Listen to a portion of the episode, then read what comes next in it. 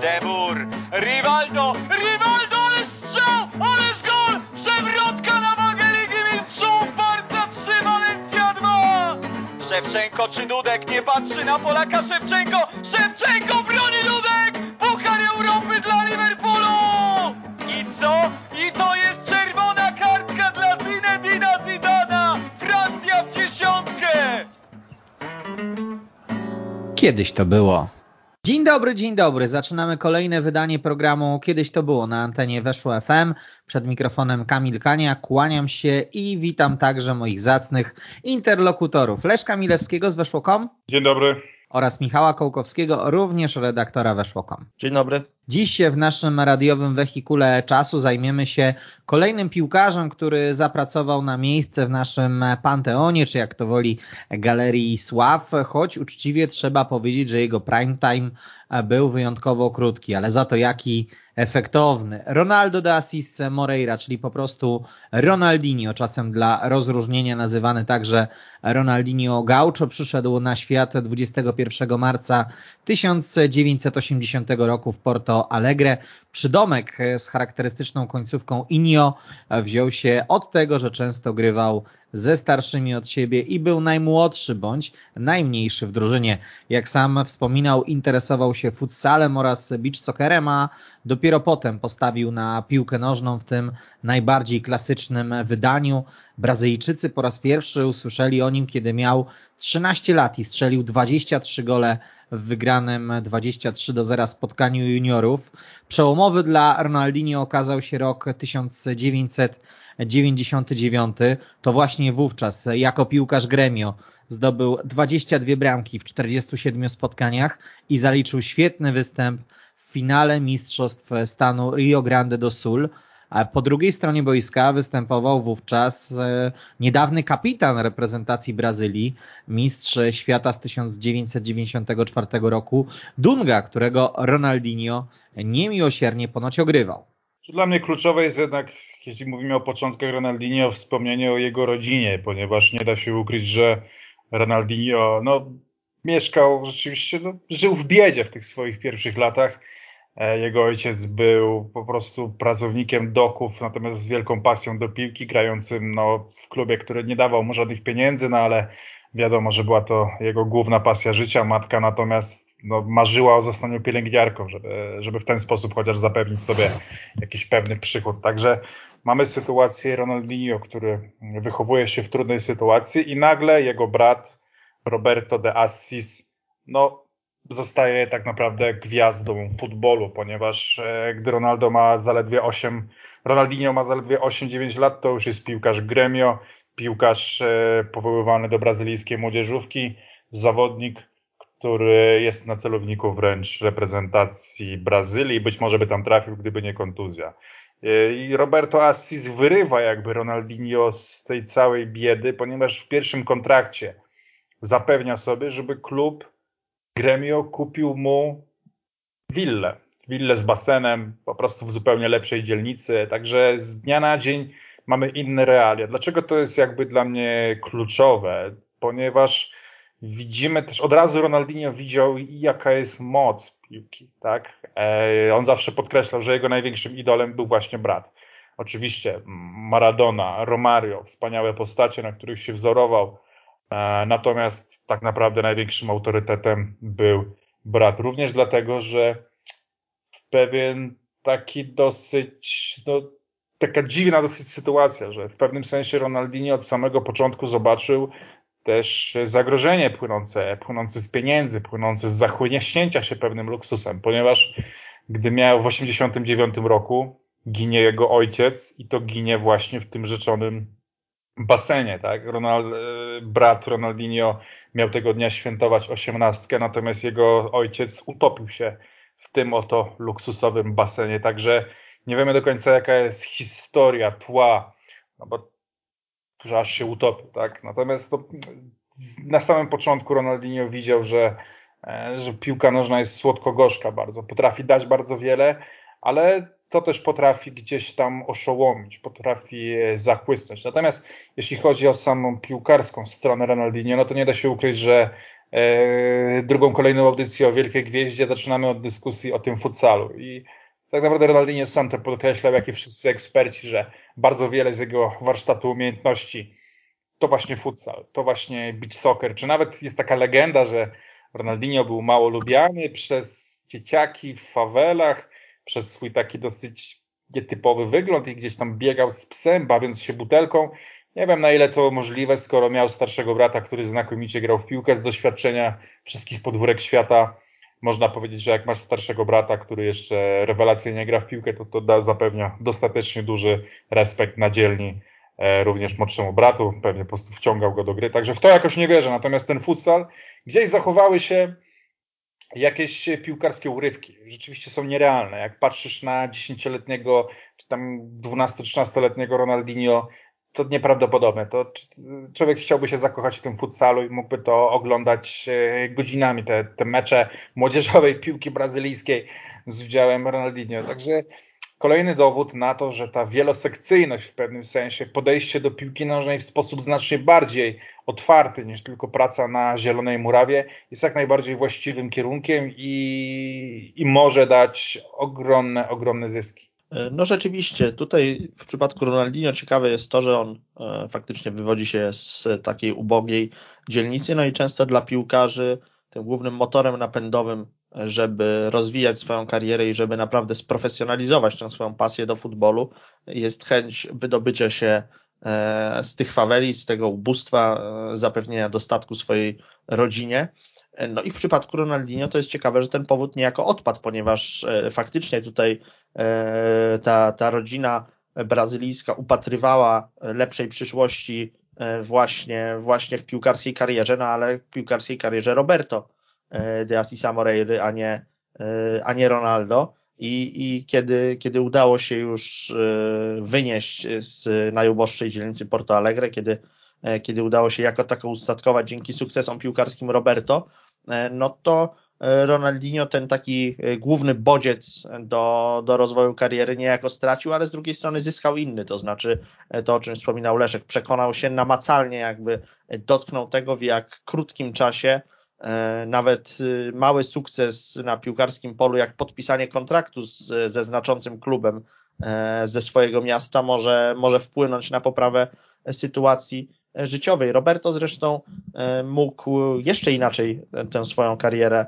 E, rozwinąć, ponieważ on e, był pod czujnym okiem klubów włoskich już jako e, nastolatek, no ale jeszcze w tamtym okresie te szybkie wyjazdy do, do Europy, czyli w drugiej połowie lat 80., początek lat 90., szybkie wyjazdy do Europy nie były aż tak popularnym zjawiskiem wśród młodych piłkarzy z kraju kawy, no i Roberto jednak wolał związać się z gremio Porto Alegre, a Ronaldinho trochę w jego cieniu E, dorastał i kto wie, czy e, nie było to też w jakimś sensie dla niego, e, dla niego korzystne, że ta cała główna, główna presja i gdzieś te reflektory oczekiwań były, nie były skupione na tym młodszym bracie, ale, ale ten starszy zgarnął na siebie początkowo przynajmniej sławę gdzieś tam na, na rynku lokalnym, a, a dopiero, dopiero w przyszłości okazało się, że to, że to Ronaldinho jest E, znacznie bardziej utalentowanym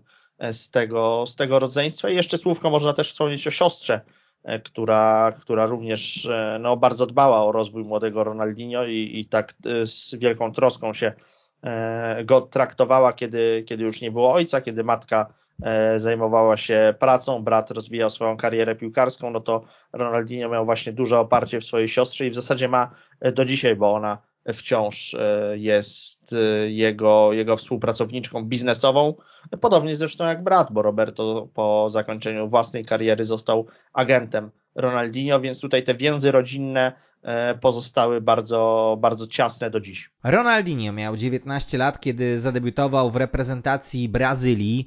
Pierwsze spotkanie zaliczył krótko przed Copa America. Na turniej pojechał, ale złoto zdobył w roli rezerwowego. Strzelając zaledwie jednego gola w grupowym meczu z Wenezuelą.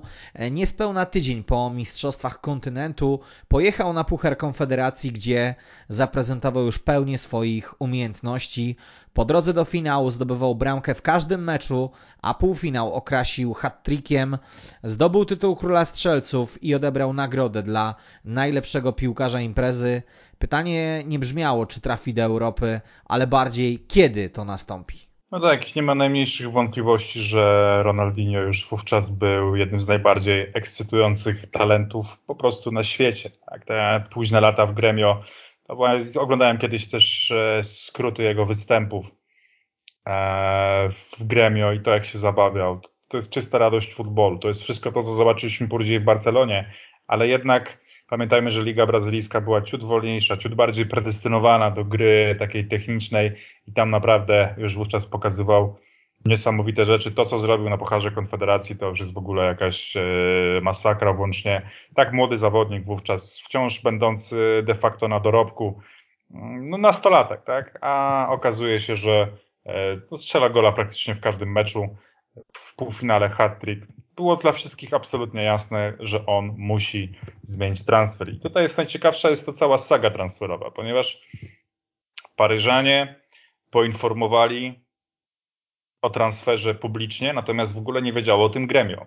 To jest jakaś, e, jakaś abstrakcja. Tak? Gremio było e, gotowe na to, że rzeczywiście sprzeda Ronaldinho, natomiast negocjowało sobie z, z negocjowało z Barceloną już wówczas, a także z innymi klubami, ale no, nagle dowiedziało się, że ten zawodnik już jest dogadany.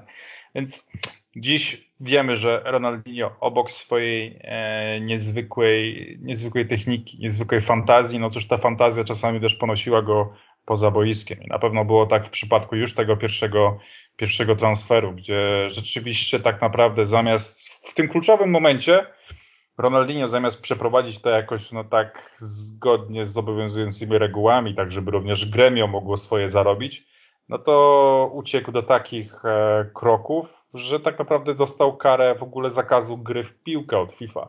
Ciekawa była wówczas cała saga, to też wydarzyło się naprawdę, gdzie rozważano nawet wypożyczenie do szkockiego St. Mirren, żeby ten piłkarz mógł po prostu gdzieś profesjonalnie grać.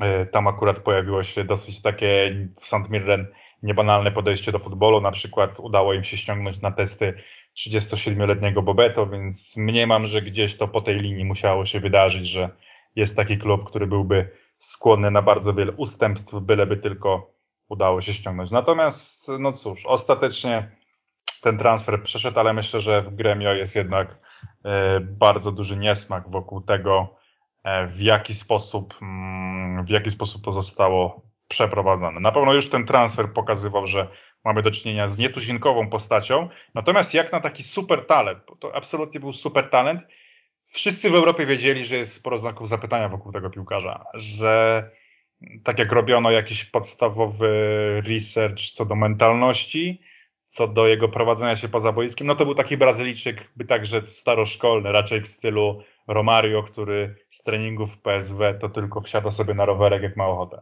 Zdecydowanie Ronaldinho e, generalnie no, znajdował się oczywiście na, na celowniku wielu klubów europejskich. Chyba takim najbardziej jaskrawym przykładem to był Arsenal, który e, no, bardzo mocno zabiegał o ściągnięcie Brazylijczyka, ale e, było to trudne ze względu na, na uzyskanie pozwolenia na pracę w Wielkiej Brytanii. No, każdy, kto kiedykolwiek grał w futbol menedżera wie, jak upierdliwe E, potrafi być e, właśnie ten kruczek formalny. E, no i tutaj transfer wykoleił się, się właśnie z tego powodu. Wtedy do akcji wkroczyło Paris Saint-Germain, klub taki będący trochę, trochę w rozkroku między, można powiedzieć, rozbuchanymi ambicjami, a własnymi możliwościami, bo tam w Paryżu w latach 90. rzeczywiście narodziła się ciekawa drużyna pod, pod patronatem Canal Plus E, grali, grali w paryskiej ekipie zawodnicy topowi, żeby wymienić George'a Wea, który, który zdobywał złotą piłkę właśnie w, e, występując w tamtym roku między innymi w barwach e, PSG. No był, były pewne sukcesy w Pucharze Zdobywców Pucharów, były Mistrzostwa Francji i tak dalej, no ale nie była to mimo wszystko drużyna zdolna, żeby na przykład zatriumfować w Champions League. Początek XXI wieku miał to zmienić. Pojawiali się w klubie tacy zawodnicy jak JJ Okocha, jak Nicolas Anelka, no i właśnie Ronaldinho miał być niejako elementem tej ofensywnej układanki, która przywróci Paryżanom świetność, przynajmniej na krajowym podwórku, bo, bo mieli kłopoty z triumfowaniem właśnie, właśnie w kraju, a co tu do, dopiero mówić o, o Europie. Niósł za sobą ten transfer Ronaldinho pewne ryzyko, no bo mówimy właśnie o zawodniku, który no trochę wymknął się ze swojego poprzedniego klubu, potraktował Gremio nieuczciwie, to po pierwsze, a przecież był rodzinnie tak bardzo związany z tym, E, z tym klubem, no bo jeżeli sobie jeszcze raz wrócimy do historii brata, no to wydawać by się mogło, że e, ekipa z Porto Alegre zasługiwała na nieco lepsze potraktowanie ze strony Ronaldinho. E, no tutaj, tutaj bez sentymentów, że tak powiem, oprzeć się Brazylijczyk z tym, z tym zespołem. Po drugie, Ronaldinho wdał się też w paszportowy skandal w Brazylii. Tam doszło do fałszowania dokumentów, co zresztą było powodem, dlaczego to jego wypożyczenie do St. Mirren nie doszło do skutków, więc jeżeli jeszcze do tego doliczymy pogłoski, które na pewno musiały docierać do Europy, że e, Ronaldinho czerpie z życia pełnymi e, garściami i jest typem piłkarza imprezowicza, e, no to tutaj Paryżanie po prostu no, musieli zważyć na, na dwóch stronach, na dwóch szalkach, że tak powiem, te wady i zalety tego transferu. No, zyskiwali piłkarza nieprawdopodobnie E, utalentowanego, który potrafi w pojedynkę rozstrzygać o losach meczu, ale brali też e, na swoje barki potencjalny e, kłopot, potencjalny taki, taki element, który może rozsadzić zespół od środka i te ambicje powrotu na, na mistrzowskie tory w, w ligę wysadzić w powietrze, zanim one, one się zdążą ziścić. No z drugiej strony koszt nie był jakiś oszałamiający, 5 milionów euro to były pieniądze wtedy spore, ale, ale też nie przesadzajmy. To już był czas, kiedy włoskie kluby biły rekordy transferowe e, o, o kilka razy, czy już pra, pra, prawie zbliżające się do 10 razy e, większych, więc tutaj, tutaj też nie, nie mówimy o jakimś nieprawdopodobnym wydatku, na jaki Paryżanie e, nie mogliby sobie, sobie pozwolić, no ale jeżeli sobie tę przygodę Ronaldinho z Paris Saint-Germain podsumujemy, no to można się zastanawiać, na ile, na ile Ronaldinho e, tej, tej akurat drużynie e, pomógł swoimi występami. Z indywidualnego punktu widzenia na pewno, ale na drużynowe sukcesy się to, jak zaraz ustalimy, nie przełożyło. Ronaldinho w Paryżu rozkręcał się powoli, ale w drugiej połowie sezonu był już gwiazdą drużyny. Debiutancki sezon w Europie okrasił 13 bramkami i 7 asystami we wszystkich rozgrywkach. Legenda głosi, że na Parc des Princes podpatrywał JJ Okocze, z repertuaru którego zapożyczył kilka słynnych sztuczek technicznych. Zupełnie mnie to nie dziwiło, bo rzeczywiście JJ Okocza e, jest był fantastycznym piłkarzem technicznym, jakkolwiek Ronaldinho bardzo, bardzo, bardzo dużo umiał. Tak, od J, nie ma takiego piłkarza na świecie, który nie mógłby się nauczyć jakichś sztuczek piłkarskich od JJ'a Okoczy. Natomiast rzeczywiście, ja bardzo lubię tamten, e, tamto PSG. Być może mam to jakieś skrzywienie do drużyn, które są ciekawe, a niekoniecznie odnoszą jakieś sukcesy, ponieważ e, no, ówczesne PSG tak naprawdę cały czas miało niezwykle wielkie ambicje miało fanatycznych kibiców, miało taką markę, miało wokół siebie taki blichtr, ale zarazem no, z tymi wynikami nieustająco było kiepsko. No ten sezon, czas Ronaldinho jest jakby dla mnie apogeum w pewnym sensie PSG, bo okej, okay, oni mieli sukcesy w latach 90., jak wspomniany rajd w Lidze Mistrzów z George'em Weachem, ale tutaj spójrzmy na drużynę, jaką dysponowali. Letizi, Heinze, Arteta, Pochettino, Dehu, e, Anelka, Okocha, e, Ronaldinho, tak? Leroy. No tu jest spokojnie potencjał po to, by robić wielkie sukcesy, a tymczasem e, PSG w pierwszym sezonie zajęło czwarte miejsce, gładko odpadło e, z Pucharu UEFA. Jedyny ich sukces w pierwszym sezonie Ronaldinho to jest zwycięstwo w Pucharze Intertoto, gdzie walczyli z Brestią e, w finale, no i udało im się dzięki bramkom strzelonym na wyjeździe Także z jednej strony, strony Okocza, Anelka, Arteta, Ronaldinho, z drugiej drużyna Marka Koźmińskiego. E, no i to jest zażarty bój. Jedyne, no nie wiem, czy się za to przyznaje trofeum, ale nic więcej w tamtym sezonie PSG nie wygrało, a to i tak jest lepszy z dwóch sezonów e, Ronaldinho w PSG, ponieważ drugi to jest już po prostu, no, no cóż, no, 11 miejsce w lidze z Pucharu UEFA wyrzuca ich Boavista, no naprawdę. Biorąc pod uwagę wszystko to, co się później działo, to to jest e, komicznie słaby początek, natomiast absolutnie klasyczny dla ówczesnego PSG. Oczywiście e, Ronaldinho, ciekawe jest to, że w pierwszych meczach to było dosyć szokujące, że Ronaldinho tak naprawdę zaczynał od ławki rezerwowych często. Fernandez miał wobec niego bardzo duże zarzuty i mówił, że no cóż, nie jest jakimś chyba dla nikogo zaskoczeniem, że Ronaldinho bardziej niż na treningach skupia się na nocnym życiu. No, ta, z takiej kultury pochodził. Takich zawodników znał z kadry, którzy w ten sposób po transferze do Europy funkcjonowali. Nie wiem, jakie dyskusje musiał przeprowadzić choćby z Romario czy z piłkarzami z tej starej gwardii, ale oni mogli mu wręcz powiedzieć, że słuchaj, no jesteś tak dobry, że tam nie musisz trenować, możesz sobie chodzić po klubach, bawić się, jeśli będziesz dobrze grał, to wszystko ci wybaczą. W Paryżu wiadomo, że jest gdzie wyjść, no więc Ronaldinho był królem Paryża. Ale też trzeba przyznać, że później piłkarsko wyglądało to coraz, coraz lepiej z jego indywidualnego punktu widzenia. Natomiast no, nie został wtedy jakąś super gwiazdą europejskiego futbolu. To były takie spokojne początki, troszeczkę na zapleczu, no bo nie grał ten klub ani w Lidze Mistrzów, ani w jakichś późnych fazach e, europejskich pucharów, ani nie bił się o Mistrzostwo Francji. Także trochę to był taki Ronaldinho w złotej klatce, gdzie może sobie pozwolić na wiele, ale no nie ma aż takich wyzwań. Natomiast jest absolutnie jasne, że w Paryżu do dziś go kochają. To był e, dla tamtej fazy absolutnie ikoniczny zawodnik, nawet jeśli z Ronaldinho w składzie przyszło, nie wiem, znosić porażki z Gingamp, z Montpellier, z Sedanem i szeregi, no po prostu serię fatalnych, fatalnych wyników, to do dziś na pewno e, w Paryżu cały czas jest uwielbiany i kochany. No tak, to co działało na korzyść Ronaldinho, to znaczy on już wtedy zdradził e, taką niesamowitą smykałkę, zdradzę już w Brazylii, ale zdradził ją od razu po transferze do Europy, smykałkę do niezwykle efektownych trafień. Tam jego niektóre gole były chyba w dr tym drugim sezonie jedno z jego trafień zostało wybrane w ogóle e, golem sezonu w całej ligę.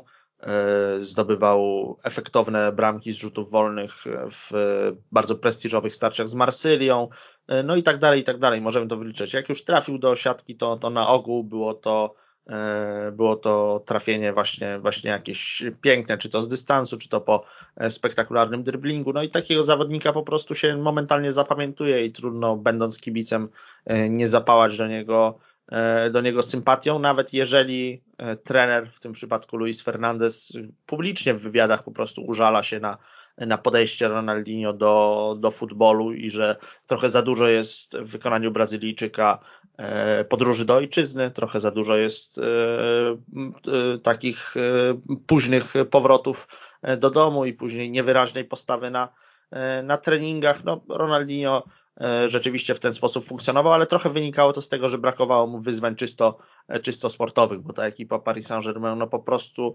nie była w stanie realizować e, tych wspomnianych przez nas ambicji, spisywała się najzwyczajniej w świecie przeciętnie, czy to, czy to w kraju już o europejskich pucharach nie wspominając, no i też Liga Francuska E, to jest, ona, ją się zazwyczaj szumnie zalicza do takiego top 5 europejskich e, rozgrywek, ale też pamiętajmy, że na ogół ligę jednak, jeżeli już w tej piątce była, to, to takim twardym numerem właśnie 5, to znaczy e, nie, nie cieszyła się podobnym prestiżem, co, co ekstraklasy angielska, włoska, hiszpańska i niemiecka. E, zawsze, zawsze ci Francuzi pozostawali taki, takie pół kroku e, z tyłu i czasami to bliżej im było wręcz do, do Portugalczyków czy, czy do Holendrów niż, niż na przykład do, e, do Włochów.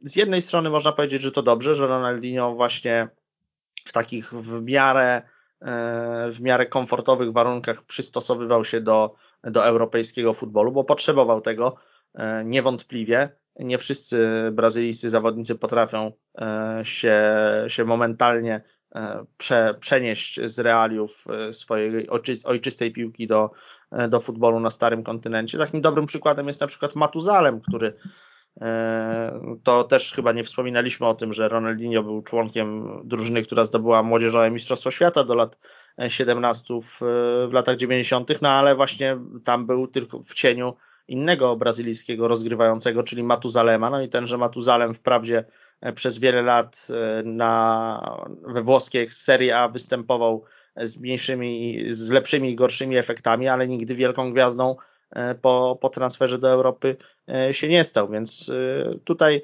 Tutaj można powiedzieć, że Ronaldinho w tym Paris Saint-Germain z jednej strony nie mógł realizować swoich ambicji, to go trochę frustrowało, to, e, to nie pozwalało mu skoncentrować e, uwagi w, w 100% na, e, na futbolu, no ale z drugiej miał takie, takie miękkie przejście na, na stary kontynent, gdzie pomimo nie najlepszych wyników zespołu i tak był uwielbiany przez kibiców, no bo był po prostu ewidentnie e, najlepszym zawodnikiem w swojej drużynie, zwłaszcza już w tym drugim sezonie 2002-2003.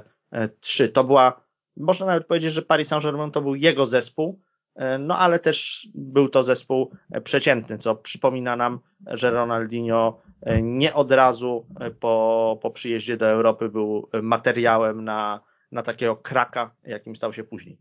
Po udanym indywidualnie, jak już ustaliliśmy, sezonie na Starym Kontynencie, Luis Felipe Scolari powołał Ronaldinho do składu na Mistrzostwa Świata w Korei Południowej i Japonii. E, czyniąc go podstawowym zawodnikiem u boku Ronaldo i Rivaldo. Ronaldinho zagrał w pięciu spotkaniach, opuszczając ostatni mecz grupowy, kiedy Brazylia była pewna awansu oraz półfinał, gdzie pauzował za czerwoną kartkę. E, tę obejrzał w ćwierćfinale z Anglikami, ale na szczęście dla siebie oraz kolegów przed zejściem z boiska zdobył fenomenalną bramkę z rzutu wolnego, która okazała się trafieniem na wagę awansu i 30 czerwca 2002 roku w Yokohamie świętował zdobycie tytułu Mistrza Świata. Zastanawiam się czasami nad tą Brazylią, ponieważ powinienem być w niej absolutnie zakochany. Miałem wtedy 14 lat, czy to jest dobry czas, by e, wciąż czuć tę romantyczną stronę futbolu. Brazylia przywiozła wtedy no, trio trzech R, czyli Ronaldo, Rivaldo, Ronaldinho, piłkarzy, których no, przez, przez to, że mieszkałem gdzie mieszkałem, nie miałem na, na ogół okazji oglądać, tylko raczej o nich powiedzmy czytać. Do tego Cafu, Roberto Carlos, nawet tam na ławce siedzieli Juninho, Denilson, e, więc naprawdę było, było kim się zaintrygować. Tak? Lucio chociażby również, no naprawdę wspaniała drużyna, a jakoś nie mam z nią aż tak intensywnych e, wspomnień, żeby to była jakaś drużyna, która mnie zachwyciła. E, troszkę się mówi o niej, że to też kwestia Scolariego, który no, zrezygnował z takiej ultraofensywnej Brazylii, wiedział kiedy, mm, kiedy postawić hamulec, kiedy zrobić coś wyrachowanego. Może to stąd, może stąd, że pamiętamy też takie kwestie jak choćby ta symulka słynna Rivaldo. Także to była wspaniała, skuteczna Brazylia. Natomiast mam wrażenie, że nie do końca taka, która gdzieś tam grała na najczulszych strunach 14-latka. Natomiast Ronaldinho jak najbardziej tak, jak najbardziej jego byłem, przed turniejem byłem najbardziej ciekawy Rivaldo, natomiast gdy później ten turniej się rozkręcał i Rivaldo zrobił to, co zrobił, to zdecydowanie moim ulubionym Brazylijczykiem był Ronaldinho. Natomiast co ciekawe, te dwa gole, które strzelił Ronaldinho w tym turnieju, e, to są jedyne jego bramki na mundialu. Tym samym Ronaldinho ma tyle samo bramek na Mistrzostwach Świata, co Bartosz Bosacki. A przecież mówimy o zawodniku, który podczas Mundialu 2002 miał dopiero 22 lata i miał prawo wierzyć, że jeszcze e, no, na tych mundialach kolejnych, przynajmniej dwóch, trzech, spokojnie mógł wtedy wierzyć, że jeszcze na trzy pojedzie, e, no to odegra istotną rolę, a tak się już nigdy, nigdy nie stało. To jest ostatecznie jego najbardziej udany turniej, bo w zasadzie jedyny udany. Swoją drogą mam wrażenie, że to był szatański plan Pawła Janasa, żeby powołać Bartosza Bosackiego w zastępstwie chyba Zagorawskiego, rozpisać pod niego dwa stałe fragmenty gry i teraz mamy ciekawostkę z tymi golami na mundialach do, do porównywania do końca świata. Chyba Schirer ma też dwie bramki, ktoś tam jeszcze. Tak. No Ronaldinho na tych Mistrzostwach Świata, no to te najciekawszym na pewno jest w jego wykonaniu to spotkanie z Anglią, ponieważ on tam popisał się swoim takim golem kultowym, który wtedy e, myślę, że rozsławił jego nazwisko bardziej niż występy w e, Paris Saint-Germain dotychczasowe, przelobował Davida Simana e, bez, bez najmniejszej litości, no i ze, jak się wydawało ze stuprocentową premedytacją. No i interesujące jest to, że on w tamtym spotkaniu, no po pierwsze wcześniej zaliczył też asystę, a po drugie, e, po drugie wyleciał z czerwoną kartką i to niedługo po, po zdobyciu właśnie, właśnie tego gola, chyba tam 5 czy E, czy 7 minut po, po tym, jak, jak e, dokonał, dokonał loba na, e, na Simanie, no ale Anglicy już nie zdołali odrobić, odrobić wówczas strat. To był taki mecz, kiedy, kiedy Brazylia naprawdę bardzo mocno cierpiała i takich spotkań wbrew pozorom Canarinos mieli, mieli sporo na tamtym turnieju, bo jeżeli sobie przypomnimy, no, pierwsze spotkanie fazy grupowej z Turcją, bardzo wymęczone, później konfrontacja w 1-8 finału z Belgią, to też nie był e, spacerek. No i, i, i, nawet ten finał z Niemcami, kiedy, kiedy Canarinos byli wielkimi faworytami, ale trzeba było fatalnego błędu Olivera Kana, żeby e, ostatecznie udało się e, ekipie z Ameryki Południowej przechylić szale zwycięstwa na e, swoją stronę. Ronaldinho w tym tercecie 3R e, niewątpliwie był e, najmniej utytułowanym, najmniej słynnym, no bo Rivaldo i Ronaldo byli już, mieli już złote piłki w dorobku, byli wielkimi czempionami. E, a Ronaldinho był, był takim graczem troszeczkę pozostającym na uboczu e, w, w tym swoim Paryżu, który, który jak już ustaliliśmy wtedy e, niespecjalnie się liczył na europejskiej arenie, ale suma summarum no, trzeba oddać Skolariemu, że, że świetnie to, to wszystko rozegrał. No a opcji miał co niemiara, bo tam napastników fantastycznych Brazylia, Brazylia miała wtedy, wtedy od groma. No weźmy choćby Giovanne Elbera, którego Scolari zdaje się, że w ogóle nie powołał nawet, e, nawet na mundial, e, a przecież e, Giovanni Elber w 2001 roku prowadził, prowadził Bayern do, do triumfu w Champions League, więc tutaj, tutaj ta decyzja, że, że jednak Ronaldinho z tą swoją fantazją i, i z tą swoją taką, taką trochę, trochę nie, też dziecięcą radością tak, z, czerpaną z gry w piłkę, ale i E, ale i szybkością, bo wydaje mi się, że to było wtedy, wtedy, wtedy bardzo ważne dla tamtej Brazylii, że ona potrafiła zaskakiwać e, przeciwników takimi szybkimi przejściami z obrony e, do ataku. No, no postawienie na Ronaldinho tutaj, tutaj okazało się strzałem w dziesiątkę, on w tym tercecie 3R sprawdził się kapitalnie, no i, no i jako się rzekło, zatriumfował w Mistrzostwach Świata. E, czego już potem nie udało mu się powtórzyć, kiedy, kiedy indywidualnie był graczem, graczem o znacznie, e, znacznie bardziej uznanej reputacji. Mimo wielkiego triumfu w Azji, Ronaldinho nie zmienił klubu, zmienił za to numer, przywdziewając dziesiątkę, choć sam prezentował się dobrze, 12 goli i 10 asyst. PSG rozczarowywało, ligę zakończyło na 11 pozycji i nie zdołało się zakwalifikować do europejskich pucharów, co definitywnie E, sprawiło, że Ronaldinho chciał odejść. Wykorzystał to nowo wybrany prezydent Barcelony, Joan Laporta. Podczas kampanii obiecał Socios, że sprowadzi na Camp Nou Davida Beckhama. Kiedy okazało się, że Anglik wybrał ofertę od Florentino Pereza, Laporta włączył się do licytacji o zakontraktowanie Ronaldinho. Barcelona wydała ponad 30 milionów euro i ubiegła Manchester United. Najciekawsze jest to, że Barcelona była wtedy zupełnie innym klubem. My się przyzwyczailiśmy w ostatnich latach myśleć o Barcelonie jako superpotędze, jako ikonie futbolu. E, I nawet do końca to, co dzieje się dzisiaj, jeszcze nie zdążyło tego zaburzyć. To długi, ten słabszy skład, odejście Messiego.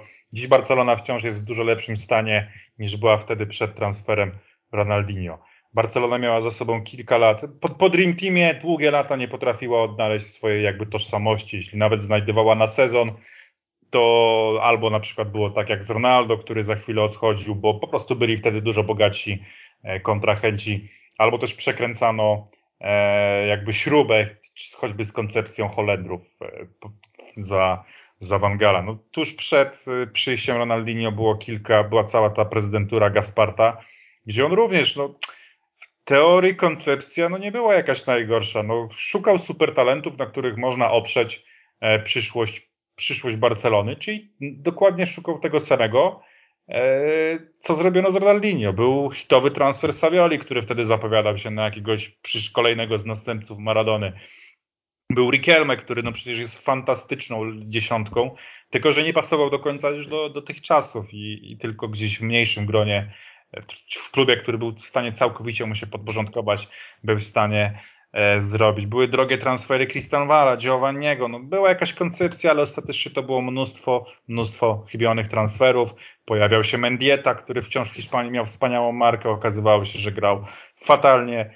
E, pozbyto się Rivaldo, który też już schodził. No niesamowite turbulencje, szukanie tożsamości, szukanie kogoś, kto to wszystko pociągnie, e, trenerzy zmieniający się co chwilę, pojawiające się nazwiska takie jak Radomir Antic, które no nie bardzo wiedziały, jak to wszystko pociągnąć. Także rzeczywiście niezwykły chaos, a pamiętajmy, że wszystko dokładnie w momencie, kiedy e, Real święcił triumfy, nawet nie tyle zawsze na boisku, bo wtedy liga była dużo bardziej wyrównana, ale no też takie medialne. To były czasy Galacticos, kiedy rzeczywiście cały świat e, fascynował się Realem Madryt, kiedy Real Madryt trochę przebijał ten szklany sufit dla piłki nożnej, kierując ją na tory już nie przemysł, przemysłu tak naprawdę rozrywkowego niż jakiegokolwiek sportu, więc to wtedy wymyślił Real, a zarazem Barca gdzieś tam, pamiętam taki nagłówek, gdzie Barcelona zgłosiła się do Intertoto, bo w tych ligach topowych była taka procedura, że wiosną po prostu zgłaszałeś się do tych rozgrywek, żeby w razie czego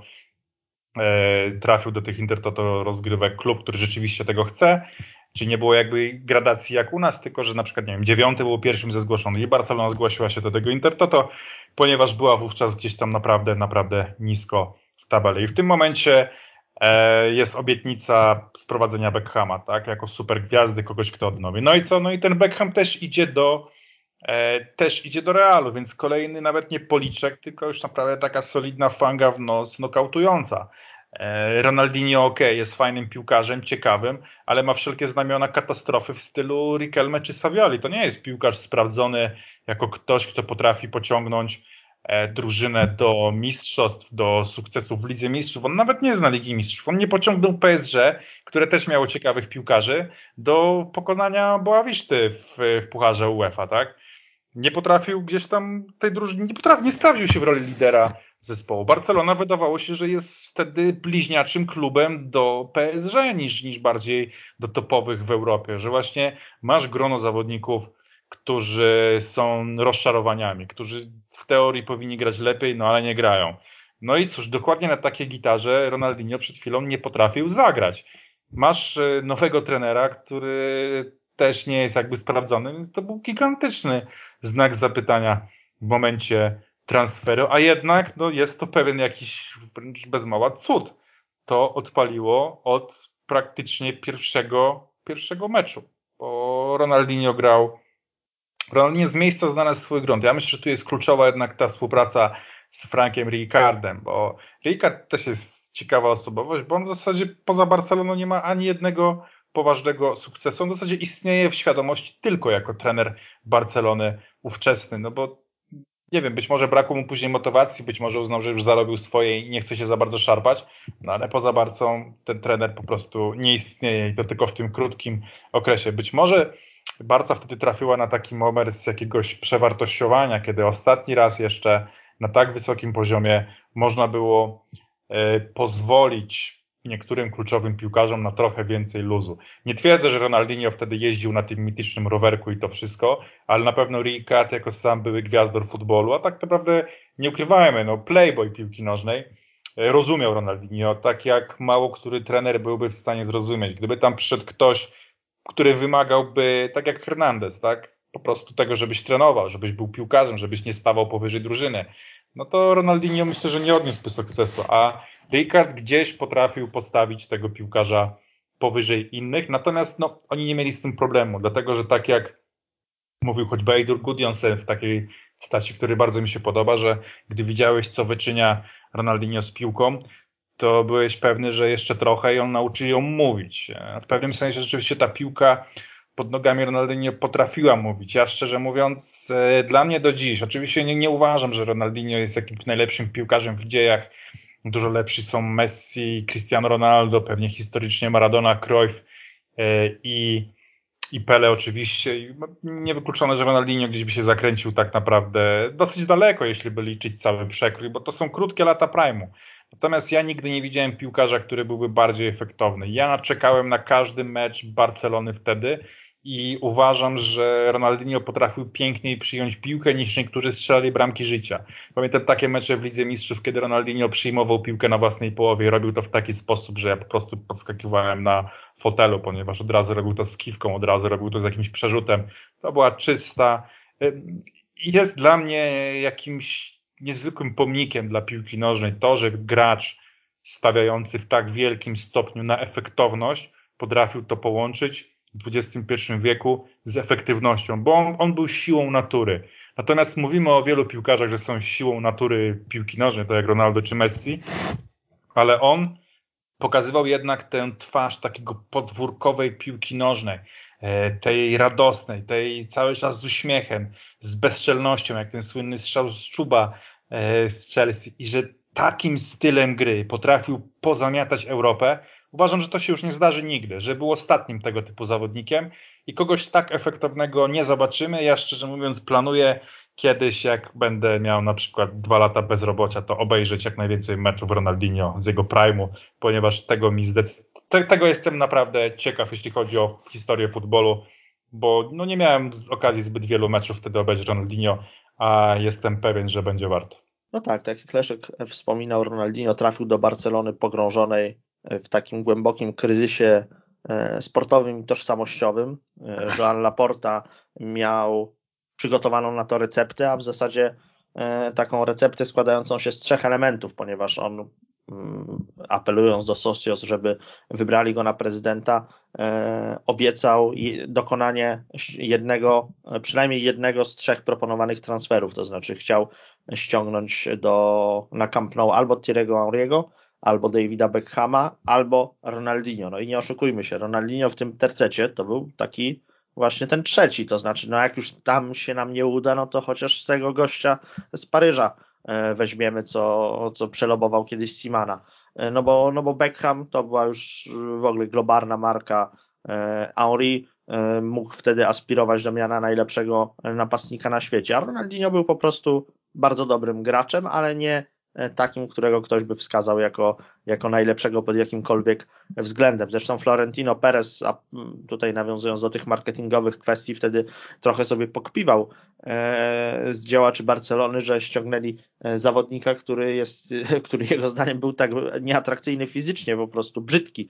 I, i Perez stwierdził, że no nie, no takiego brzydala to Azja na pewno nigdy nie pokocha jak Beckhama i pewnie miał E, trochę rację. Natomiast jeżeli sobie porównamy wpływ taki czysto sportowy, jaki e, na Barcelonę miał Ronaldinho, a jaki na Real Madryt miał Beckham, no to, no to nawet chyba w zasadzie nie ma czego tutaj e, porównywać. I, I paradoksalnie wcale dużo gorzej Barcelona, jeżeli chodzi o budowę swojej marki na transferze Ronaldinho, nie wyszła, choć niewątpliwie nikt się tego, nikt się tego nie spodziewał, bo i początek tej kadencji Franka Rijkaarda no, był trzeba powiedzieć, e, nie, nie może dramatyczny, ale bardzo, bardzo trudny. Po e, siedmiu meczach ligowych Barcelona w sezonie 2003-2004 e, miała na koncie tylko, tylko dwa zwycięstwa i to takie, takie wymęczone. Potem było trochę lepiej, ale Ronaldinho nabawił się kontuzji. Wypadł na cztery spotkania w, e, na przełomie listopada i grudnia. Barcelona w tych e, czterech spotkaniach poniosła trzy porażki, w tym jeden do pięciu z Malagą i jeden do dwóch z Realem Madryt u siebie w klasyku. No, posada holenderskiego szkoleniowca wisiała wówczas na włosku. Nie jest tajemnicą, że monitorowano już możliwości zastąpienia Raycarda, no ale dostał jeszcze szansę E, jakby odbudowy swojej pozycji po powrocie Ronaldinho do, e, do zdrowia. No i, no i tak też się stało, bo w pierwszym meczu e, po powrocie brazylijskiego wirtuoza Barcelona wygrała w derbach miasta, potem jeszcze miała drobne problemy, no ale runda wiosenna to był już popis Katalończyków i popis samego Ronaldinho. Drużyna odnosiła jedno zwycięstwo za drugim, ostatecznie zakończyła sezon z wicemistrzostwem co, co trzeba było uznać w tamtych okolicznościach za wielki, wielki sukces Barcelony. Nie, nie, nie za rozczarowanie, nie za niedosyt, ale naprawdę za gigantyczny sukces. Tym bardziej, że w kwietniu 2004 roku Katalończycy wygrali bardzo ważny mecz na Estadio Santiago Bernabeu z tym galaktycznym Realem i Ronaldinho wtedy zanotował absolutnie fenomenalną i asystę w 86 minucie przy golu Czawiego. To jest taka asysta, którą, którą można oglądać powielokroć i na pewno kibice Barcelony pamiętają ją doskonale. Sam Czawi po latach twierdził, że to był ten moment, w którym odrodziła się Barcelona. To zwycięstwo na, na Bernabeu. Pierwsze od siedmiu lat wyjazdowe zwycięstwo w El Clasico. No, tchnęło nowego ducha w tę drużynę. Umocniło definitywnie pozycję Franka Rijkaarda jako, jako szkoleniowca Barsy.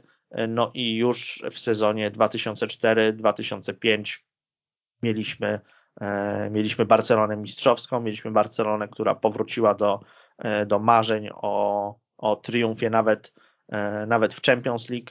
E, także, także ten pierwszy sezon, choć nie, nie został zakończony momentalnie drużynowym sukcesem, e, no, no dla Ronaldinho i, i dla całej Barcelony był zdecydowanie, zdecydowanie kluczowy. Dobrze, że wytrzymano wtedy, wtedy ciśnienie, bo faktycznie Rijkaard był właściwym człowiekiem na, na właściwym miejscu. To nie jest, nie był nigdy wybitny trener, genialny taktyk, ale żeby poukładać tam ten zespół i odpowiednio obudować Ronaldinho partnerami, no to Rijkaard potrafił zrobić doskonale. To mu się udało i w zasadzie to była jego jedyna rola wtedy. No Ronaldinho e, trochę niespodziewanie, ale w, po prostu wskoczył na taki poziom, e, że, że, że trener e, jakikolwiek by tam nie pracował, nie miał, nie miał za zadanie wymyślania kwadratowych jaj, tylko właśnie jego, jego misją było to, by, by zrobić jak najlepsze warunki dla Ronaldinho, by ten mógł objawiać pełnię swojego talentu. Rijkaard tego dokonał.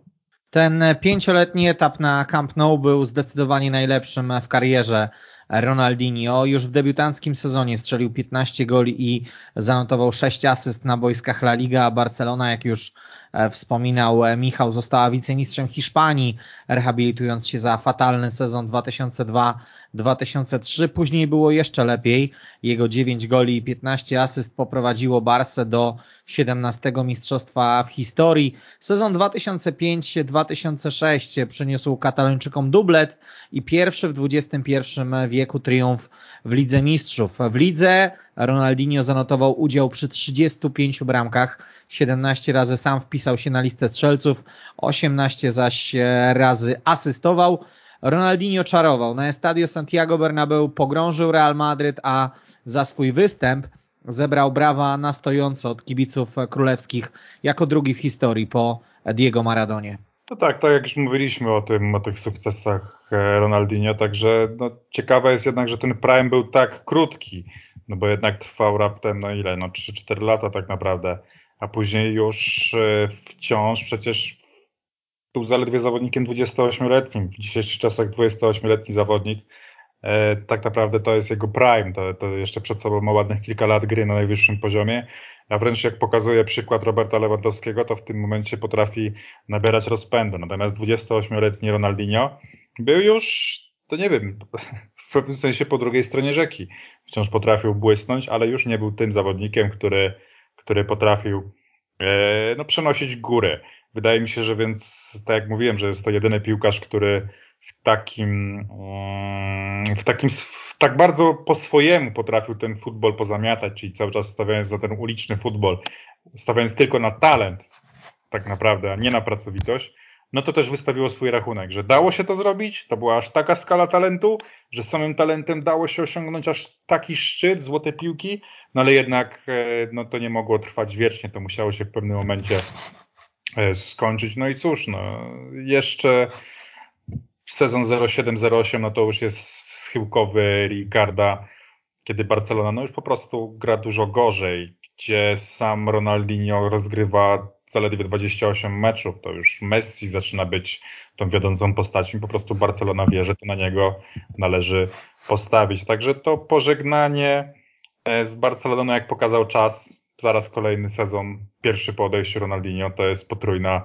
korona, no więc zdecydowanie gdzieś tutaj pokazał pokazał czas, że nie ma świętych krów, że choć Camp Nou płakało po Ronaldinho, choć wiadomo jaką był postacią, tak trzeba wiedzieć, kiedy ze sceny zejść, a wtedy Barcelona była jeszcze w stanie rzeczywiście wzbudzić Ronaldinho ogromne zainteresowanie na rynku transferowym i nawet biorąc pod uwagę, że to był piłkarz, który zarabiał aż tak kosmiczne pieniądze, więc za takiego gracza nie dostaniesz nie wiadomo ile. No tak, wciąż e, dobre 20 baniek za zawodnika całkowicie już schodzącego ze szczytowej formy, za chwilę będącego bardziej problematycznym niż, niż e, jakością. No, do Milanu ta sprzedaż była myślę, że udana. Berlusconi zawsze był zakochany w Ronaldinho i, i nie da się ukryć, że troszeczkę za tą miłość e, zapłacił finalnie, natomiast też nie jest tak, że e, Ronaldinho był całkowitą pomyłką Milanu, ale na pewno po prostu już w Barcelonie wiedzieli, że to nie wróci,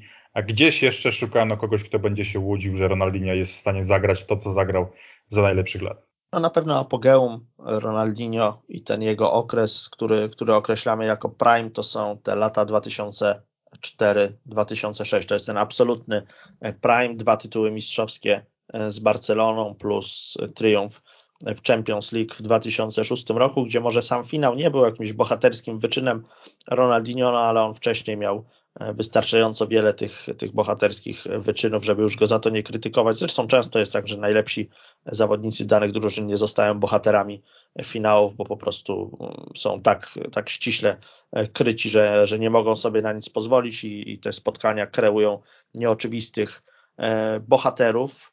E, no, chyba takim najsłynniejszym zresztą występem Ronaldinho w Champions League, czy może jego najsłynniejszym golem w Champions League to jest jeszcze z 2005 roku trafienie w rewanżowym starciu e, z londyńską Chelsea w jednej ósmej finału, takie legendarne wręcz już dzisiaj spotkanie, jeżeli chodzi o natężenie emocji między obiema ekipami, ostatecznie wygrane przez Londyńczyków 4 do 2, no ale Ronaldinho tam popisał się swoim słynnym uderzeniem z czuba sprzed pola karnego, gdzie wcześniej takim, takim ruchem, ruchem bioder, ruchem stopy zahipnotyzował defensorów Chelsea, których przecież The Blues wtedy dysponowali po prostu najlepszą linią obrony w Europie, bo e, Ricardo Carvalho, John Terry, e, jeszcze połączeni z Petrem Czechem, no, stanowili zaporę nie do przejścia w zasadzie na, na angielskim podwórku, e, a tutaj Ronaldinho w swoim stylu, w taką, takim absurdalnym wręcz podwórkowym zagraniem e, potrafił zamrozić tych, tych fantastycznych obrońców i pokonać czeskiego, e, czeskiego golkipera. No, dla mnie takim też, też fenomenem są jego statystyki z, z tych rozgrywek naj, najbardziej udanych pod względem zespołowym, czyli 2005-2006, kiedy Ronaldinho rozegrał w lidze tylko 29 meczów, ale to mu wystarczyło, żeby zanotować 35 punktów w klasyfikacji kanadyjskiej, bo zdobył wtedy 17 goli i dorzucił do tego 18 asyst. No to są szalone numerki, e, zwłaszcza, że podkreślmy to jeszcze raz, nie mówimy o piłkarzu w 100% wyrachowanym, nie mówimy o maszynie, która ma każdy ruch na boisku skalkulowany w taki sposób, żeby jak najefektywniej wykorzystać swoją obecność na murawie. Mówimy o, o piłkarzu, którego po prostu niosła fantazja i to właśnie ta fantazja niosła go do tak fantastycznych, e, fantastycznych rezultatów. No, jeżeli chodzi o ten sezon, e, ujmijmy to, e, może jeszcze nie schyłkowy, bo sezon 2006-2007 to nie była jakaś e, katastrofa w wykonaniu czy to Ronaldinho, czy to, czy to Barcelony. On wtedy strzelił ponad 20 goli w lidze. No cały czas gwarantował jakość, ale, ale już było widać, że to nie jest, że to chyba nie jest to samo, że ten Ronaldinho może trochę za często e, pauzuje, może te mikrourazy jednak mają jakiś, e, jakieś podłoże w kiepskim przygotowaniu treningowym, że, że może on po triumfie w Lidze Mistrzów nie jest już tak zmotywowany, jak był, był dawniej.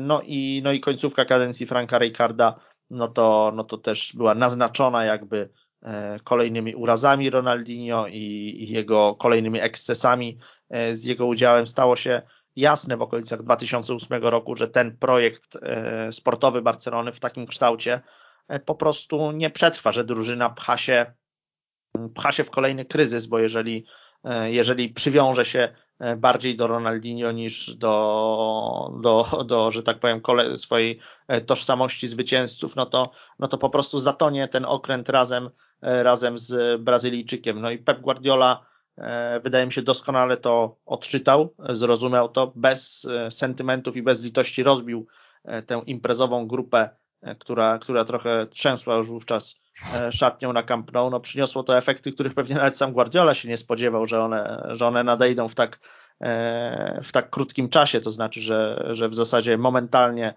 Duma Katalonii E, powróci na europejski i na krajowy szczyt. E, no, wzbudzało to wówczas, pamiętam, duże kontrowersje, to co robi Guardiola, szkoleniowiec przecież e, niedoświadczony na tym najwyższym poziomie, ale, no, ale on rozumiał, jaka jest sytuacja Barcelony, on to, on to pewnie też wiedział, dobrze znał, znał te realia od środka, no i podjął najlepszą możliwą decyzję dla E, dla klubu i myślę nawet, że najlepszą możliwą decyzję dla samego Ronaldinho, bo gdyby on się e, w tej Barcelonie jeszcze trochę kręcił, gdyby tam się rozmieniał na drobne, gdyby drażnił kibiców e, jakimiś ekscesami, to pewnie nie byłby aż tak ciepło dzisiaj wspominany, jak jest, a że w odpowiednim momencie takim ruchem skalpela odcięto go od, od Blaugrany, no to jest niekwestionowaną legendą Camp Nou. Jeszcze jako zawodnik Barcelony w 2005 roku jako kapitan poprowadził Brazylię do triumfu na Pucharze Konfederacji. Strzelił trzy gole, w tym w półfinale z Niemcami, w finale z Argentyńczykami. Za 2005 rok dostał też złotą piłkę. Rok później miał poprowadzić Canarinos do obrony tytułu mistrza świata. To był ten sezon, w którym zanotował te 35 punktów do klasyfikacji kanadyjskiej, o których Michał wspominał, no ale na niemieckich boiskach rozczarował, zaliczył jedną asystę w wygranym 4 do 1 meczu grupowym z Japonią, a po ćwierćfinałowej porażce z Francją wrócił z kolegami do domu. Niewątpliwie mieliśmy prawo oczekiwać, że to będzie jego sezon. Przecież w tym roku wygrał La Liga, wygrał e, Ligę Mistrzów, był absolutnie mega gwiazdą światowego futbolu, a tutaj to gigantyczne rozczarowanie. Myślę, że ta dyspozycja Ronaldinho na tym turnieju. Warto tu podać ciekawostkę, że Bartosz Bosacki strzelił więcej bramek na tym turnieju niż Ronaldinho. Myślę, że mało kto o tym wie i dawno o tym nie mówiliśmy, więc warto to dodać. E, natomiast abstrahując od żartów, no cóż, po prostu bardzo kiepski mundial. Myślę, że całej, całej Brazylii, bo oni choć wygrywali mecze e, kolejne tak troszkę w swoim stylu, czyli idąc jakby bez jakiegoś wielkiego porywu, ale no cały czas miażdżąc w odpowiednim momencie, tak naprawdę wywrócili się na pierwszej poważniejszej przeszkodzie. E, oczywiście Francja wówczas no, to była bardzo niewygodna, niebezpieczna drużyna, no ale prawda jest taka, że to był pierwszy taki duży test e, Brazylijczyków. Być może go zabrakło trochę wcześniej, natomiast no, po prostu okazali się tego dnia znacznie sprytniejsi. Ronaldinho, no, można było raczej oczekiwać, że w takim sztosie, w jakim wówczas był, to jego dyspozycja będzie bliższa temu, co pokazywał nawet na tym słynnym swoim Pucharze Konfederacji w 99, kiedy absolutnie zdominował turniej. 6 bramek, 7 asyst, no to jest jeden z najlepszych występów w dziejach, jeśli chodzi o jakikolwiek turniej. Aż takie liczby w, tylu, w tak niewielu meczach, a tutaj no absolutnie, absolutnie nic z tego nie pokazał. Nawet widać, że chciano go budować do roli tego lidera, ty co wspomniałeś, że wcześniej kapitan podczas Pucharu Konfederacji, ale gdzieś to po prostu się kompletnie nie udało. Tak, co do tej złotej piłki w 2005 roku, to Ronaldinho wtedy oczywiście wygrał z miażdżącą przewagą, otrzymał 33 głosy e, dla pierwszego miejsca w plebiscycie France Footballa, ale co ciekawe, no prawie 20 głosujących jednak, jednak uznało, że, że to inny zawodnik był e, najlepszym na świecie. No i najbardziej mnie zdumiewa, że znalazł się nawet taki elektor, który, który postawił Claude'a Makelele powyżej Ronaldinho, przy całym moim respekcie dla Francuza, który był genialnym defensywnym pomocnikiem. No chciałbym poznać tego, tego człowieka, który w 2005 roku zachwycał się bardziej grą e, Makelele niż, e, niż Ronaldinho. Myślę, że... Nie ma głosu dla Luisa Garcia również? E, chyba, chyba to nie, nie w tym roku. Jeszcze był głos na Maldiniego na pewno. To, 2005, to też... patrzę właśnie, to jest Luis Garcia, jeden głos. A, no to, no to Luis Garcia również również e, ceniony. Mistrzostwa Świata 2006, no gigantyczne rozczarowanie, trzeba, trzeba powiedzieć. Ronaldinho tam przyjeżdżał opromieniony po prostu chwałą fenomenalnego sezonu w Barcelonie, triumfu w Lidze Mistrzów, jeszcze otoczony tymi wszystkimi partnerami, bo to i Adriano, i Kaká, i Ronaldo już schodzący ze sceny i lekko brzuchaty, ale wciąż gwarantujący e, gole. No i Robinho, który, który fantastycznie się wprowadził do Realu Madryt i miał być w ogóle odpowiedzią królewskich na, e, na Ronaldinho. I Juninho Pernambucano, który tam w Lyonie e, strzelał z rzutów wolnych z częstotliwością karabinu maszynowego. No trzeba to było tylko wszystko poukładać, trzeba było znaleźć w tym jakiś, jakiś balans pomiędzy E, pomiędzy ofensywą a defensywą i tego się zdecydowanie nie udało zrobić. Brazylia, dopóki trafiała na, na rywali, których mogła stłamsić zupełnie e, swoją, swoją jakby, jakby skalą indywidualności, jakie posiadała, no to to się udawało tam na tle Japonii, na tle Gany, ok, ale kiedy pojawiła się już dobrze zorganizowana Francja, która też miała kim odpowiedzieć w ofensywie, e, no to, no to Canarinos po prostu E, po prostu polegli i, i Ronaldinho został, trzeba powiedzieć, całkowicie wty, przyćmiony przez e, też już schodzącego ze sceny Zinedina e, Zidana i ostatecznie 2006 rok nie zakończył się dla niego kolejnym triumfem właśnie w plebiscycie France Footballu, co jeszcze po, po zakończeniu sezonu klubowego no wydawało się absolutną oczywistością, że Ronaldinho kroczy po, po kolejną E, złotą piłkę, ale te Mistrzostwa Świata były do tego stopnia e, w jego wykonaniu e, nieudane, no że, no, że wypadł aż, aż z dyskusji i to, to, to jest mimo wszystko wymowne, ponieważ no, można zagrać trochę słabszy mundial, ale mimo wszystko jakoś tam, tam zaistnieć, a tutaj Ronaldinho no, straszliwie, straszliwie rozczarował i nie uplasował się w 2006 roku nawet na podium E, złotej, złotej piłki, co, pokazuje, co o czym świadczy. dominuje prawda, nad, nad tym e, nad turniejem, znaczy nad, nad złotą piłką, że bez tego nie da się, nie da się wygrać. Zdecydowanie. Po mundialu spędził jeszcze dwa sezony w Barcelonie i padł ofiarą rewolucji kadrowej, o czym już wspominaliście. Pep Guardiola bał się wpływu lubującego się w hulaszczym trybie życia Brazylijczyka na Leo Messiego, który był zapatrzony w Ronaldinho, a którego talent rozkwitał. Brazylijczyk w wieku 28 lat, czyli tym teoretycznie najlepszym dla piłkarza, przeniósł się do Milanu. Pierwszy sezon zdawał się potwierdzeniem słuszności wyboru Guardioli. Ronaldinho strzelił 8 goli i zaliczył 5 asyst w Serie A, ale w kolejnym nawiązał do najlepszych czasów, tylko na boiskach Serie A. Miał udział przy 30 bramkach Milanu, 12 zdobył sam, przy 18 zaś asystował. Dunga, którego Ronaldinho kilkanaście lat wcześniej ośmieszał na boisku, o czym wspominałem na początku.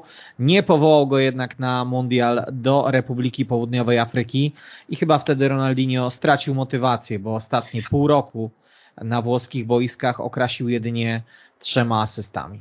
Tak, troszkę pytałem nawet znajomych, którzy są fanami Milanu, jak to wspominają i są bardzo, bardzo różne wspomnienia. Trzeba też pamiętać, że już ładnych kilka lat minęło, a po latach lubimy raczej mitologizować to, co było udane. Więc niektórzy wspominają, że okej, okay, nie był tak dobry jak w Barcelonie, ale wciąż fajnie było go zobaczyć i choćby dla tych niektórych meczów, kiedy naprawdę zagrał wspaniale, warto było to zrobić i też naprawdę miał, e, może nie był już piłkarzem, który jakby był takim frontmanem zespołu, że brał na siebie ciężar całej, całej gry, ale miał mnóstwo asyst chociażby i tam chyba był nawet w szczycie Serie jeśli o to chodzi. Także Wciąż bardzo, bardzo pożyteczny piłkarz dla zespołu, niezwykle efektowny, to prawda, natomiast już nie był po prostu super gwiazdą. I to jest, to jest ten główny zarzut, że, no, że jednak dlatego też niektórzy sugerują, że to był jeden z gorszych transferów, bo dostał kontrakt super gwiazdorski, takie były oczekiwania wobec niego, super gwiazdorskie, natomiast to był kolejny piłkarz sprowadzony przez Berlusconiego, trochę po jego prime, kolejny do takiej doświadczonej drużyny wkład nie do końca. Swoją cegiełkę oczywiście dołożył również do mistrzostwa. Myślę, że w ogólnym rozrachunku każdy chciałby zobaczyć e, Ronaldinho nawet w takiej słabszej formie. To nie był jakiś skończony Ronaldinho, to jest pewne. To nie jest przypadek Rivaldo, który po grze w Milanie odbierał tam złoty kubeł na śmieci, czy coś takiego. Taka jest nagroda dla najgorszego piłkarza Ligi Włoskiej, oczywiście szczególnie przyzwana największym rozczarowaniem, więc Ronaldinho raczej, raczej kimś takim nie był. Był wyróżniającą się postacią, natomiast nie był tym, w kim się zakochało Silvio Berlusconi. Na pewno tak.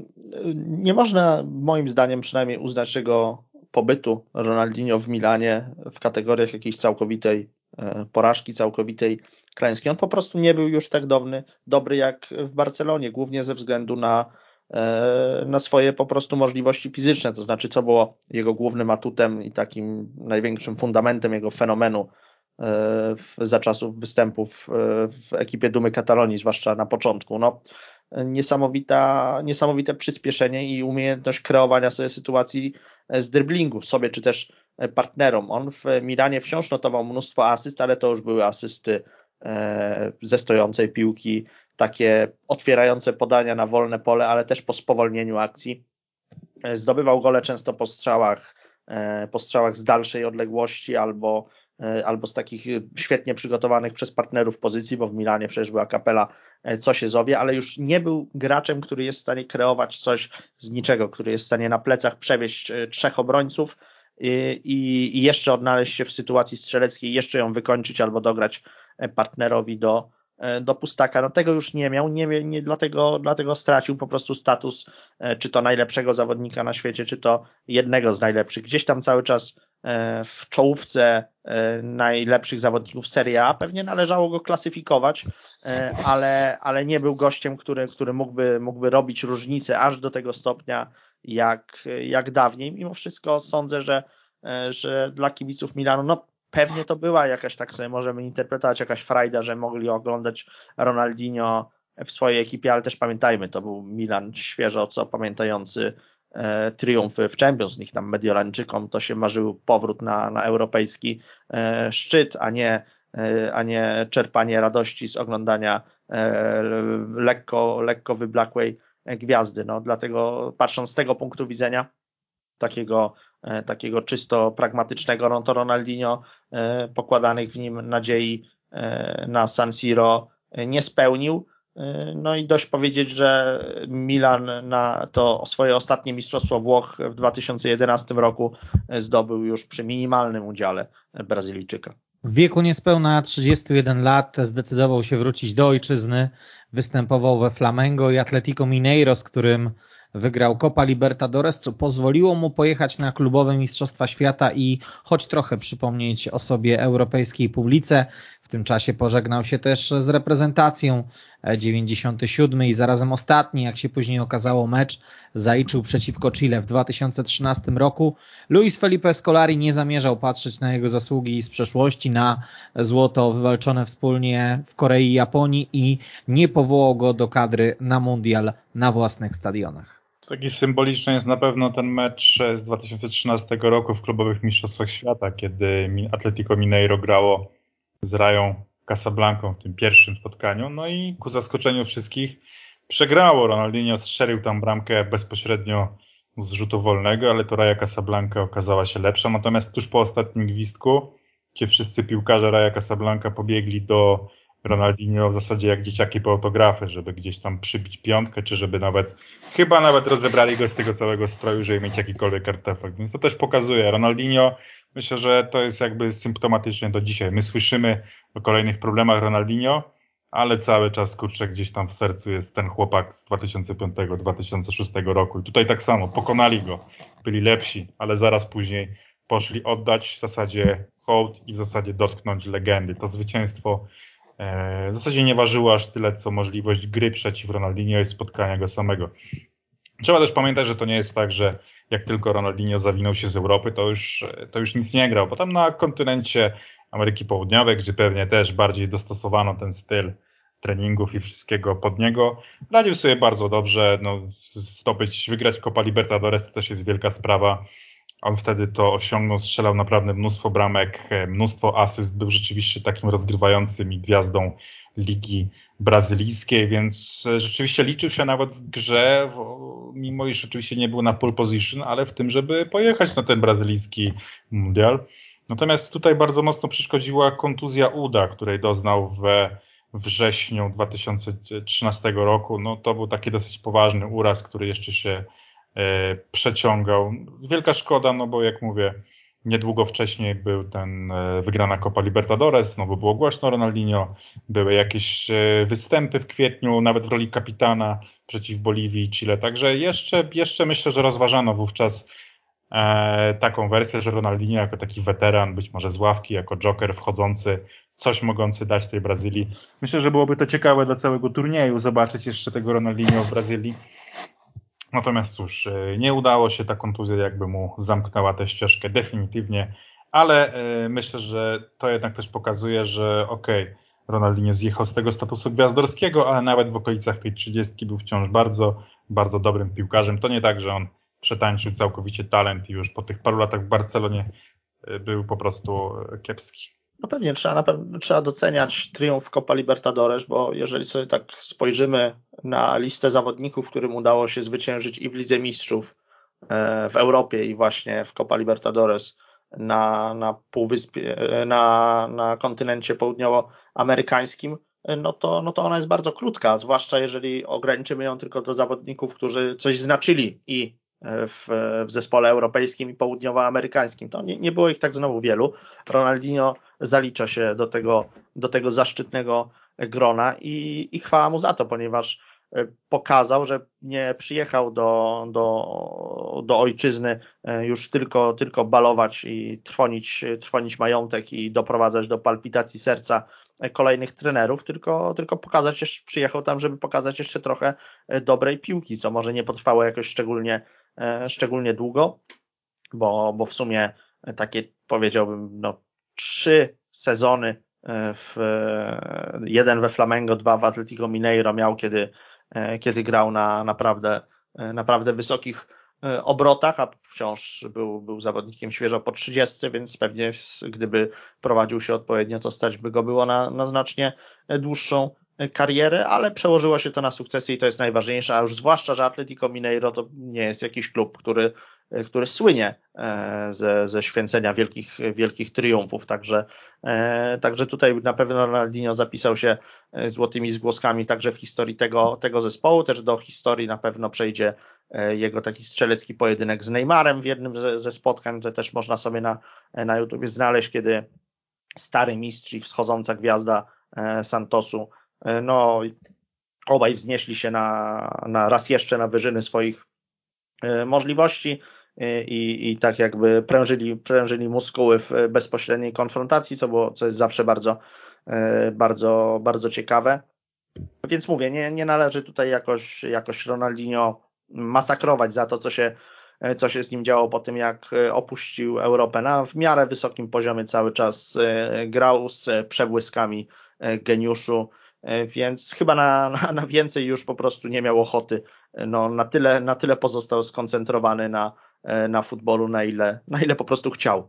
Ostatnie oficjalne występy Ronaldinho zaliczył w meksykańskim Querétaro, gdzie strzelił nawet kilka goli oraz e, Fluminense, gdzie był już cieniem piłkarza. Definitywnie dał sobie spokój w wieku 35 lat, rozwiązując za porozumieniem stron e, kontrakt podpisany raptem trzy miesiące wcześniej. No ja sobie szczerze mówiąc jeszcze dzisiaj e, z zupełnej ciekawości obejrzałem jego powrót do Ligi Futsalu, bo w 2017 jeszcze to jest taki ostatni chyba profesjonalny etap e, w karierze Ronaldinho. Grał w, w lidze futsalu Indii w znanym i lubianym Delhi Dragons, gdzie strzelił 16 bramek w 8 meczach. Oczywiście już pokaźny brzuszek, oczywiście e, nie ta dynamika, ale powiem wam szczerze, obejrzałem taki skrót meczu, w którym strzelił cztery gole. I kurde, no nie wiem, chyba jestem jakimś. To, to, jest mój ulubiony piłkarz w dziejach. Po prostu. Chyba mogę się do tego przyznać, że oglądam go na jakimś całkowitym wygwizdowie. E, oglądam go w lidze indyjskiej, futsalu, ale jak Ronaldinho strzela sobie trzy brameczki, a później przy czwartej idzie sam na sam z bramkarzem gdzie no widać, że powinien to kończyć, ale i tak do końca szuka tego podania, żeby sprawić frajdę koledze. A ten jest tym wręcz tak urzeczony, że już po minięciu bramkarza, gdy idą dwóch na pustą, oddaje Ronaldinho i ten wbija sobie z 10 centymetrów. Myślę, że to musiała być wielka przyjemność grać w, z Ronaldinho w jednej drużynie. Bez względu na czy, czy to była Barcelona 2006 roku, czy te rozgrywki więzienne, które miał okazję niedawno zaliczyć. Także no to musi być, to musiało być coś. Dla mnie zawodnik, który uosabia czysto piłkarsko, jeśli chodzi o stylu wszystko co najlepsze w futbolu i, i tyle. Ja dla mnie nie, nie sądzę, żeby się pojawił piłkarz, którego będę miał większą przyjemność w oglądaniu, w pochłanianiu tego, co gra, choć są piłkarze, których szanuję bardziej, tak myśląc sercem, dla mnie Ronaldinho jest najlepszy. No tak, ostatnio rzeczywiście Ronaldinho też popisywał się gdzieś tam w paragwajskim pierdlu swoimi piłkarskimi e, możliwościami po kolejnym e, skandalu paszportowym ze, ze swoim udziałem. No i pewnie właśnie w takich okolicznościach teraz będziemy o Brazylijczyku słyszeć, ponieważ trudno uwierzyć, by on miał się niebawem ustatkować i jakby całkowicie opanować swoją, swoją życiową E, sytuację. Miejmy nadzieję, że tych problemów z e, prawem będzie już jak najmniej, ponieważ wartość marketingowa Ronaldinho wydaje mi się, że cały czas pozostaje e, spora i on cały czas może odcinać te kupony od, od sławy, ponieważ no, trudno o zawodnika, który mocniej by się wrył w pamięć całego pokolenia kibiców futbolu. Ronaldinho był tak charakterystyczny we wszystkich elementach swojego, swojej gry i swojego wizerunku, że, że nie, da się, nie da się wyrzucić go, e, go z pamięci i nie da się nie darzyć go sentymentem, nawet jeżeli nie było się kibicem Barcelony. Ja na przykład nigdy e, nie byłem, to e, po prostu oglądałem mecze tego zespołu tylko dla, dla Ronaldinho. Grał tam. A kiedyś na pochybel Barcelonie. Tak jest, grał tam wielu, wielu znakomitych, znakomitych zawodników, ale Ronaldinho nawet na, w swoim prime, nawet na tle innych geniuszy, po prostu jeszcze swoim własnym e, swoim własnym, swoją własną techniką potrafił się e, wyróżnić. No, no postać e, dla futbolu nietuzinkowa i też sądzę, że trochę, trochę przedstawiciel wymarłego już w zasadzie gatunku tego, tego futbolu podwórkowego. No, nawiązuje jeszcze trochę do tych tradycji Neymar, ale, ale i on nie jest z kolei postacią aż tak, aż tak pozytywną z tym swoim poza, pozasportowym wizerunku jak Ronaldinho. Tutaj tego elementu u Neymara, u Neymara brakuje, a Ronaldinho no uśmiech futbolu to jest chyba to określenie, którego najlepiej podsumowuje. I to będzie ostatnie zdanie na dzisiaj. Kończymy już program Kiedyś to było, którego gośćmi byli Leszek Milewski, Weszło.com. Tak, znany kibic Deli Dragons. Dziękuję. I Michał Kołkowski, Weszło.com. Dziękuję bardzo i żegnam się z takim pewnym poczuciem niedosytu, bo mam wrażenie, że nie poświęciliśmy wystarczająco uwagi dzisiaj Bartoszowi Bosackiemu. A za wspólnie spędzony czas dziękuję już także Kamil Kania. Do usłyszenia. Kiedyś to było.